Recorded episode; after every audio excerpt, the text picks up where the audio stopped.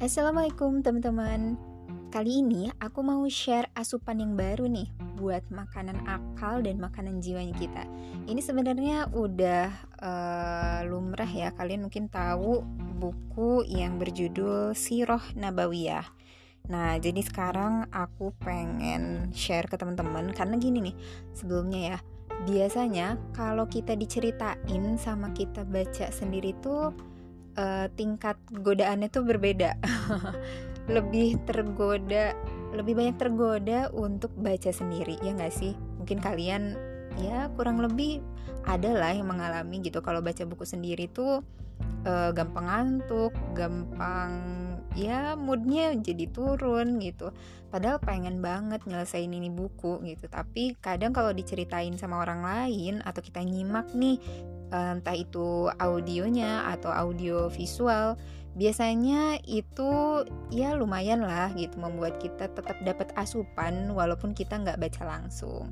Oke jadi kali ini aku pengen share uh, ini tulisan dari oh penulisnya ini adalah Syekh Safi Rohman Al Mubarak Furi. Judul bukunya Sirah Nabawiyah yang kalau judul aslinya tuh uh, namanya Ar-Rahikul Mahtum Batsun Fisirah An-Nabawiyah. Ala sohibiha afdoli sholati wassalam. Ini sudah diterjemahkan ya ke dalam bahasa Indonesia. Oke langsung aja buat teman-teman yang uh, kesulitan untuk menghabiskan bacaan per lembarnya ini aku bakal share. Mungkin ini akan aku bagi deh ke beberapa episode gitu ya di podcast teman makan ini jadi nggak langsung karena ini ketebalannya lumayan sekali teman-teman. Ini ada berapa halaman ya? Oh wait. 600 sekian pokoknya. Ada 600 sekian halaman. Yang mudah-mudahan ini dengan kita ngobrol bareng di sini uh, bisa jadi asupan untuk kita walaupun kita nggak langsung baca. Nanti aku mungkin akan rangkum ke dari beberapa uh, bab mungkin ya karena di sini babnya juga ini banyak banget daftar isinya ini sampai wow sampai ada berapa bab ya ini berapa subbab juga oke deh. Insyaallah mudah-mudahan ini jadi uh, bekal untuk kita sama-sama mempelajari siroh nabawiyah yang ini harusnya kita udah hatam berkali-kali deh kayaknya gitu. Oke, jangan ke mana-mana Simak terus podcast teman makan.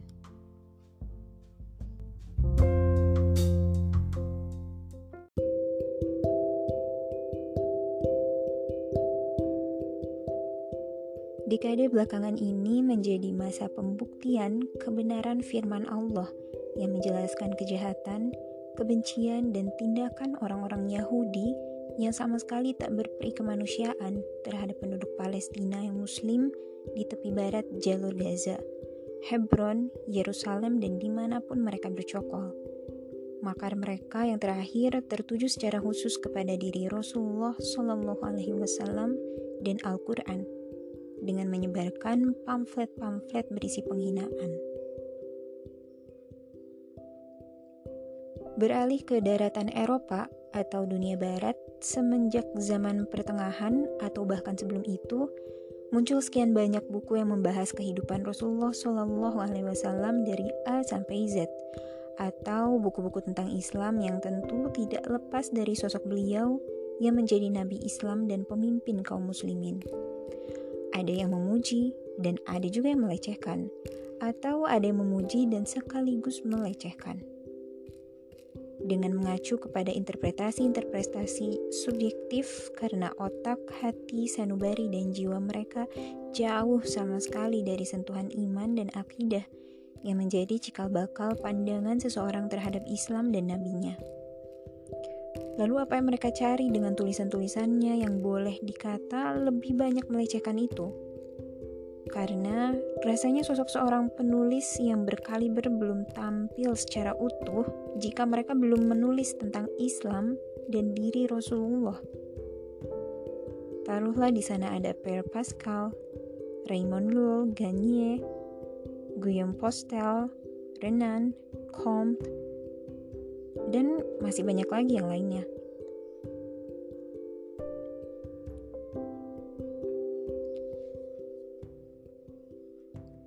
Akan tetapi, apa pun dan bagaimanapun rona tulisan yang tertuang dalam berbagai buku itu, siapa pun yang menulisnya dan dari mana pun asalnya, sudah cukup membuktikan bahwa pribadi beliau tak pernah lekang menjadi buah bibir dan sorotan pena serta mata. Lautan pribadi beliau tak pernah kering untuk diarungi dan diselami. Dari dulu hingga kini, dan entah sampai kapan pun selagi tapak-tapak waktu masih terus bergulir dan mengayun.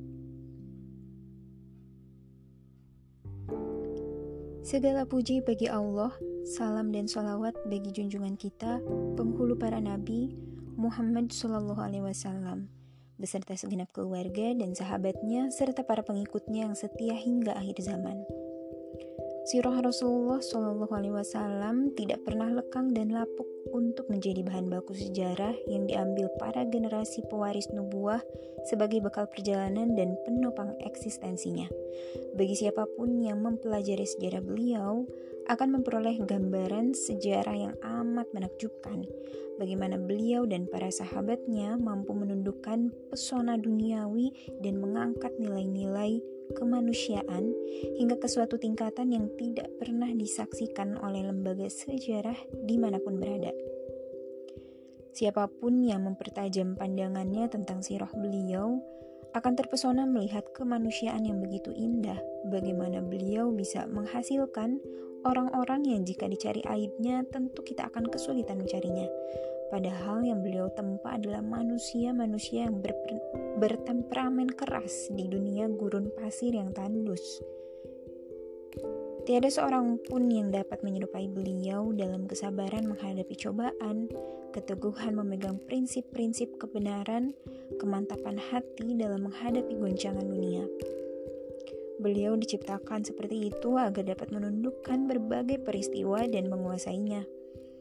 Oleh karena itu, beliau menjadi sumber sejarah dalam kehidupan manusia, sehingga dunia ditunjukinya tatanan pemikiran dan tingkah laku yang benar.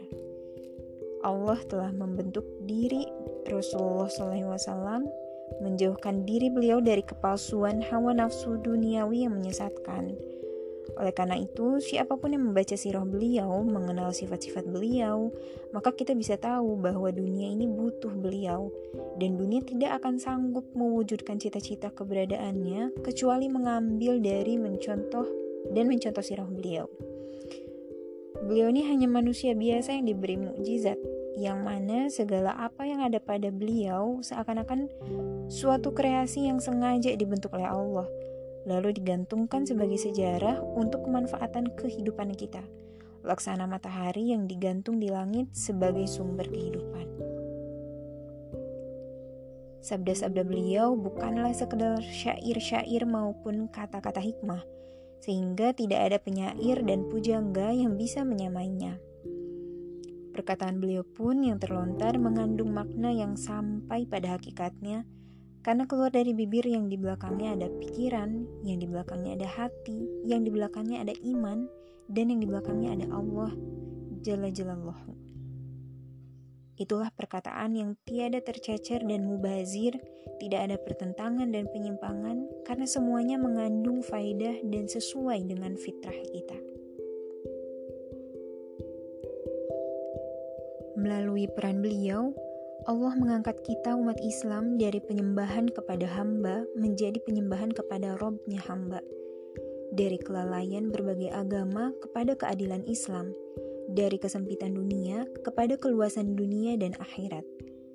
Dengan begitu, setiap jiwa manusia mengetahui tujuan eksistensinya dan mau berbuat untuk merealisasikannya.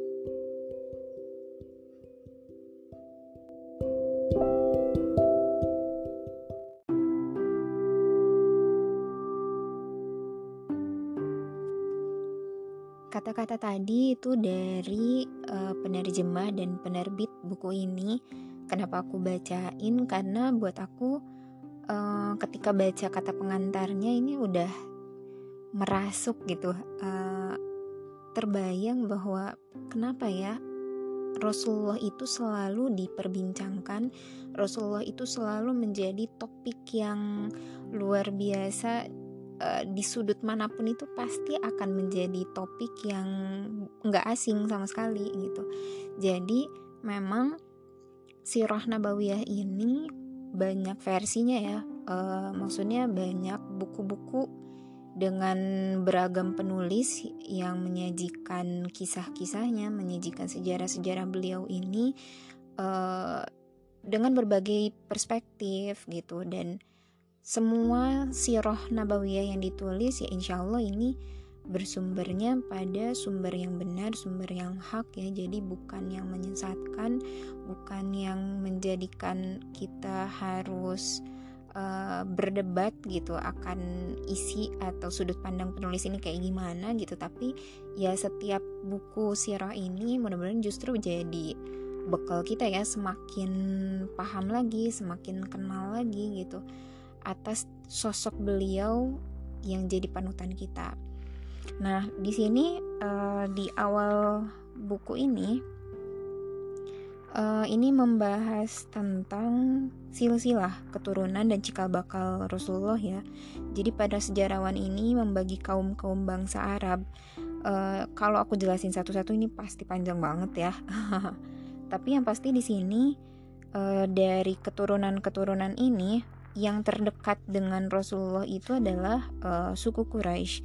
Jadi suku Quraisy ini terbagi jadi beberapa kabilah uh, beberapa kabilah tuh apa ya beberapa masyarakat mungkin ya kelompok masyarakat yang uh, dari Quraisy ini yang terkenal adalah ada kabilah Jumuh, Saham, Adi, Makzum, Taim, Zuhroh dan suku-suku Kusoy bin Kilab yaitu Abduddar bin Kusoy, Asad bin Abdul Uzza bin Kusoy dan Abdi Manaf bin Kusoy. Nah dari Abdi Manaf ini, uh, Abdi Manaf ini punya empat anak uh, namanya Abdi Syams, Naufal, Al-Muttalib, dan Hashim. Hashim inilah yang menjadi keluarga yang terpilih oleh Allah bagi Muhammad bin Abdullah bin Abdul Muttalib bin Hashim. Rasulullah SAW uh, keturunan dari Abdi Manaf tadi. dan silsilah uh, keturunan Rasulullah ini sudah diriwayatkan ya ada di sebuah riwayat Muslim dan At-Tirmizi uh, katanya sesungguhnya Allah telah memilih Ismail dari anak Ibrahim memilih Kinanah dari anak Ismail memilih Quraisy dari Bani Kinanah memilih Bani Hashim dari Quraisy dan memilihku dari Bani Hashim jadi memang Eh, keturunan-keturunan pun ini bukan kebetulan ya, tapi memang sudah jadi skenario Allah. Kenapa Rasulullah munculnya dari negeri Arab gitu ya di Jazirah Arab? Kenapa harus dari suku Quraisy yang tadi ya dari Bani Hashim? Uh, kenapa harus uh, dari Abdullah dan Aminah gitu.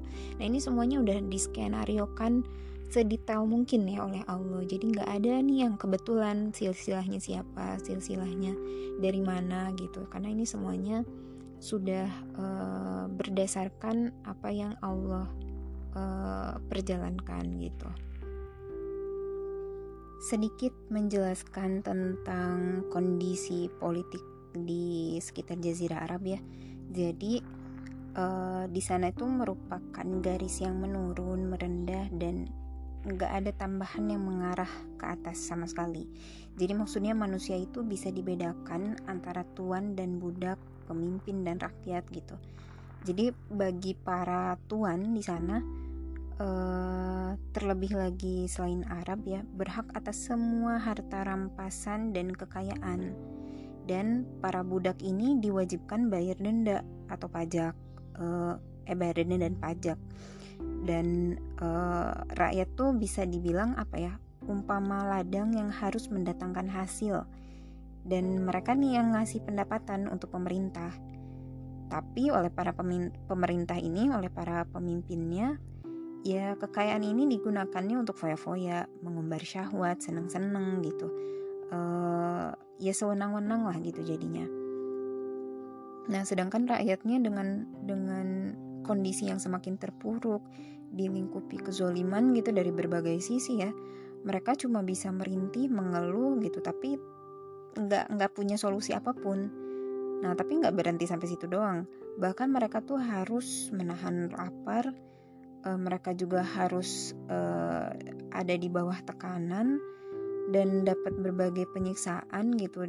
Dan mereka harus diam tanpa ada perlawanan sedikit pun. Karena sed ketika mereka mau melawan walaupun hanya sedikit uh, walaupun hanya menjawab misal gitu ya apa yang diminta sama tuannya gitu ya itu langsung uh, jadi korban kekerasan jadi kekuasaan yang berlaku saat itu ya sistem diktator, banyak banyak hak-hak yang hilang dan terabaikan. Kalau kita bicara tentang HAM, itu udah jelas HAM itu diinjak-injak di sana saat itu gitu. Nah, sementara kabilah-kabilah atau ya kelompok-kelompok yang uh, dekat wilayah ini juga ya ya ini nggak nggak pernah merasa tentram karena mereka juga mau nggak mau jadi mangsa nafsu dan berbagai kepentingan. Jadi kadang mereka harus masuk ke wilayah yang lain ya. Masuk ke wilayah Irak atau kadang masuk ke wilayah Syam gitu katanya. Karena kondisi uh, kaum kaum kelompok di Jazirah Arab ini nggak pernah rukun. Lebih sering diwarnai permusuhan antar kelompoknya perselisihan uh, ya rasisme dan agama uh, itu udah jadi makanan sehari-hari gitu buat mereka. Mayoritas bangsa Arab tuh uh, ngikutin dakwah Nabi Ismail alaihissalam uh, yang menyeru kepada agama bapaknya ya uh, Nabi Ibrahim alaihissalam yang intinya ini menyembah kepada Allah mengesahkan Allah memeluk agama Islam Nah, tapi sekian uh, waktu yang bergulir, ternyata banyak dari mereka dari bangsa Arab ini yang melalaikan ajaran Milah Ibrahim. Biasanya disebutnya Milah Ibrahim atau ajaran uh, Nabi Ibrahim ya.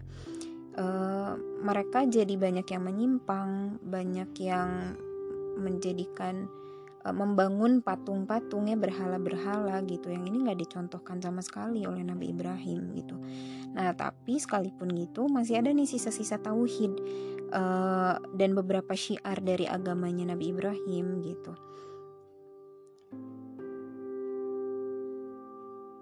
Nabi Ismail alaihissalam ini jadi pemimpin di Mekah uh, melanjutkan Nabi Ibrahim ya dan menangani Ka'bah ini selama hidupnya. Jadi Nabi Ismail ini meninggal di usia 137 tahun dan uh, ketika meninggal dua putra beliau ini menggantikan kedudukannya itu Nabat dan uh, disusul Qaidar. Nah, seiring perjalanan waktu nih lama-kelamaan anak keturunan Nabi Ismail ini semakin tenggelam sampai akhirnya satu waktu muncullah uh, seorang yang bernama Amr bin Luhai. Uh, dia ini adalah pemimpin Bani Khuza'ah. Jadi dia tumbuh sebagai orang yang dikenal suka berbuat kebajikan, mengeluarkan sodako, dan respect gitu ya terhadap urusan-urusan agama. Jadi semua orang itu ya suka sama uh, Amr bin Luhai ini. Uh, dan hampir semua ya mereka itu menganggap sebagai salah seorang ulama besar dan wali yang disegani. Nah saat ini uh, jadi apa dari Amr bin Luhai ini ternyata ada sangkut pautnya dengan uh, kenapa munculnya berhala-berhala di zaman Rasulullah ya uh, di setiap rumah bahkan bukan hanya di Ka'bah bukan hanya di sekitar pasarnya aja gitu ya uh, tapi sampai masuk ke rumah-rumah setiap penduduk itu pasti ada berhalanya. Nah ini dimulainya dari Amr bin Luhai ini gitu. Jadi uh, dia ini ada mengadakan perjalanan ke Syam. Nah, di sana dia melihat penduduk Syam itu sedang menyembah berhala dan menganggap hal itu tuh sebagai sesuatu yang baik dan benar. Nah, e, kenapa dia berpendapat seperti itu? Karena Syam ini adalah tempatnya para rasul dan kitab-kitab diturunkan. Maka dia pulanglah sambil membawa hubal dan dia letakkan di dalam Ka'bah. Nah, setelah itu dia mengajak nih penduduk-penduduk Mekah untuk membuat persekutuan terhadap Allah. Yang uh, dengan adanya hubal ini dia menganggap bahwa ini adalah perantara untuk menyembah Allah. Dia tidak menyembah hubalnya, tidak menyembah berhalanya, tapi dia menjadikan ini untuk perantara persembahan kepada Allah gitu. Nah, orang-orang Hijaz ini pun banyak yang mengikuti penduduk Mekah karena mereka dianggap sebagai pengawas Ka'bah kan dan penduduk tanah suci. E, berhala mereka yang dulunya adalah manat yang ditempatkan di Musyawal di tepi Laut Merah. Kemudian mereka buat Lata. Lata juga ini salah satu nama berhalanya ya di Taif. Nah, inilah tiga berhala. Tadi ada Hubal, ada Manat dan Lata. Ini tiga berhala yang paling besar. Nah, setelah itu kemusyrikan semakin merebak dan berhala-berhala yang lebih kecil pun bertebaran di setiap tempat.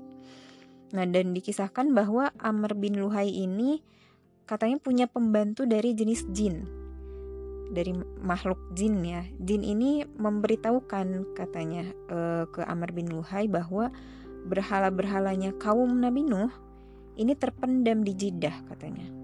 Maka dia uh, mengadakan perjalanan lagi lah ke sana, dia datang ke sana dan dia angkat. Uh, setelah tiba musim haji, Nah, dia menyerahkan berhala-berhala ini ke berbagai kabilah, berbagai kelompok-kelompok masyarakat.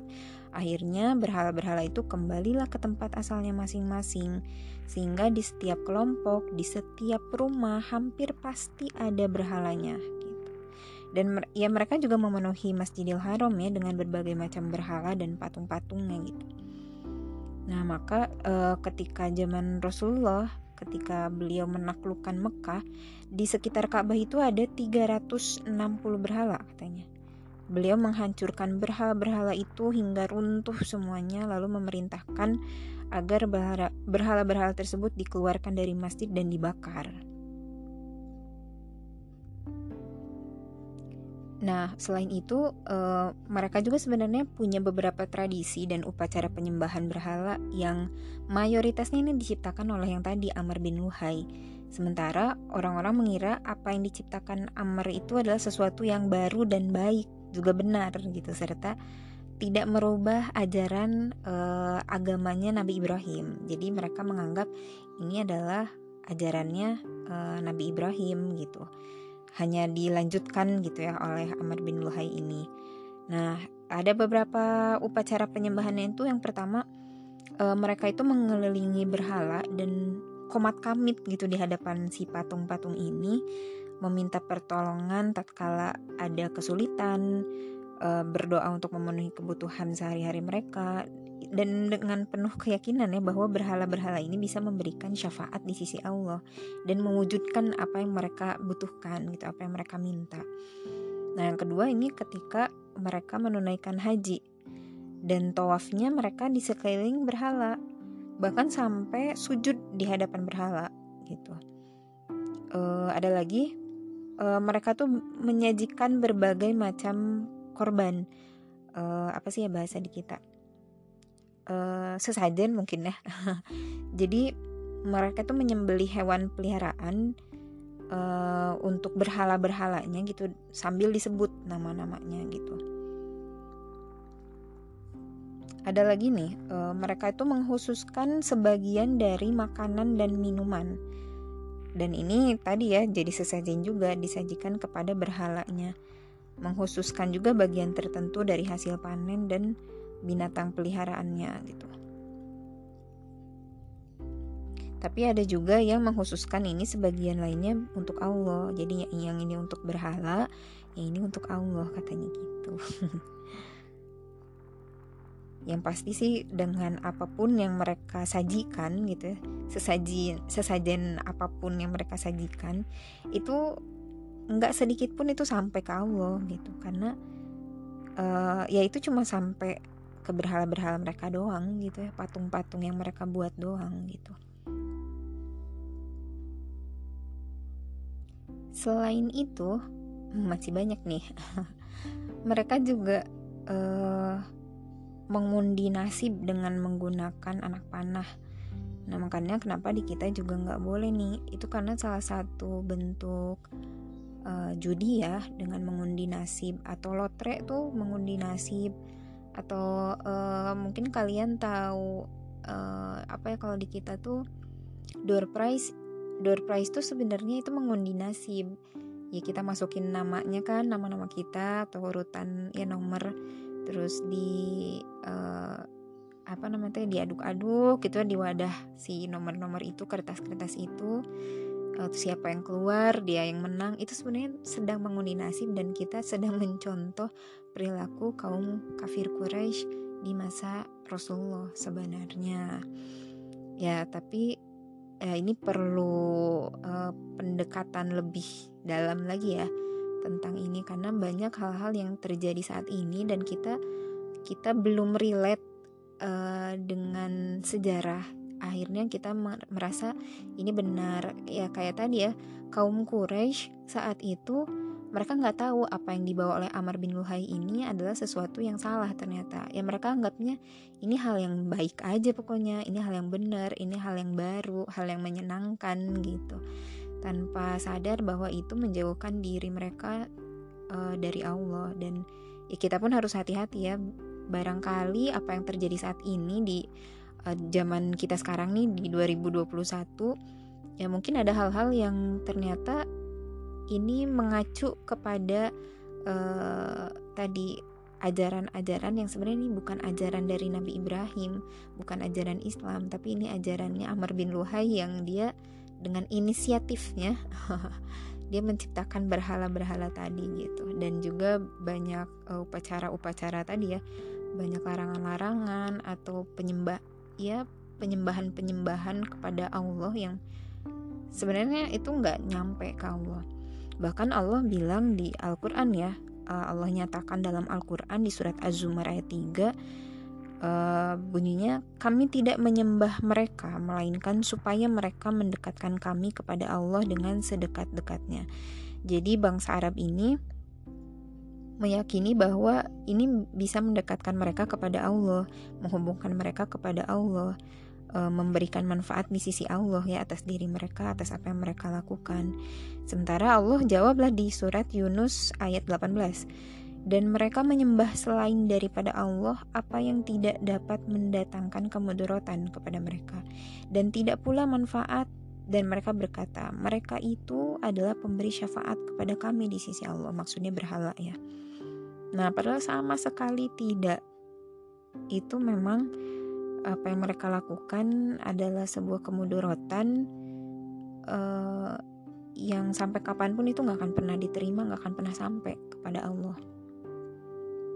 Dan termasuk juga mereka percaya pada perkataan peramal atau dukun mungkin ya di kita. dukun tuh kayaknya udah termasuk yang uh, jadul banget kali ya. Kalau sekarang banyak hmm, mungkin kalian tahu zodiak zodiak atau uh, apa ya ya berbagai ramalan-ramalan entah itu ramalan tentang kiamat ramalan tentang uh, kondisi diri ke depan ya bab percintaan bab uh, apa ya bab finansial. Nah itu semua sebenarnya ramalan-ramalan ya kalau kita rangkum biasanya itu muncul ketika ada di ramalan zodiak. Kalau kamu misalkan zodiaknya A, kamu nanti bakal gini, kamu bakal gitu. Nah, kalau kita percaya pada perkataan itu, berarti ya kita termasuk sedang uh, melanjutkan warisan dari kaum yang tadi yang sudah diceritakannya. Uh, ya perkataan orang pintar gitu yang mengabarkan sesuatu bakal terjadi nih di masa mendatang yang mengaku memiliki apa ya, pengikut atau punya penglihatan uh, ya atau tadi punya pengikut dari golongan jin yang mengabarkan gitu. Hal-hal goib lah gitu ya atas uh, pemahamannya. Itu termasuk ke dalam uh, kemudurotan berarti gitu karena walau alam ya kita nggak tahu apa yang terjadi 5 menit kemudian bahkan kita nggak tahu. Jangankan oh tahun sekian ini kita udah dengar dari tahun berapa ya? 2012 ya? Eh, atau 2000 berapa sih? Lupa. Uh, sampai difilmkan katanya kiamat sudah dekat di tahun sekian akan terjadi kiamat. Sampai sekarang di tahun 2021 kita masih hidup. Bumi ini masih ada belum hancur gitu uh, ya berarti kan itu kabar yang jadi omongan belaka ya kalau waktu itu kita termasuk yang percaya di tahun sekian yang dikabarkan itu akan terjadi kiamat hati-hati bisa jadi kita sedang menodai keimanan kita, keyakinan kita kepada Allah. Kita harus yakin kiamatnya itu ada karena Allah yang uh, langsung menyatakan itu, mengabarkan itu lewat Al-Quran. Tapi Allah tidak menyebutkan kapannya. Uh, Allah hanya menggambarkan bagaimana kejadiannya, siapa orang-orang yang akan merasakannya gitu. Tapi Allah nggak pernah sekalipun menyebutkan kapan itu, maksudnya di tahun berapa, hari apa uh, eh ya di tahun kapan itu Allah nggak pernah menyebutkan ya atau misalkan nih ada ramalan yang ramalan nasib ya. Nasib kamu sial kalau kamu ketemu sama orang yang gini kalau kamu punya pasangan yang kayak gini. Nah itu hati-hati nih teman-teman. Kalau misalkan ada orang-orang sekitar kalian ya orang-orang sekitar kita yang masih menganggap itu benar, maka ya segera diingatkan.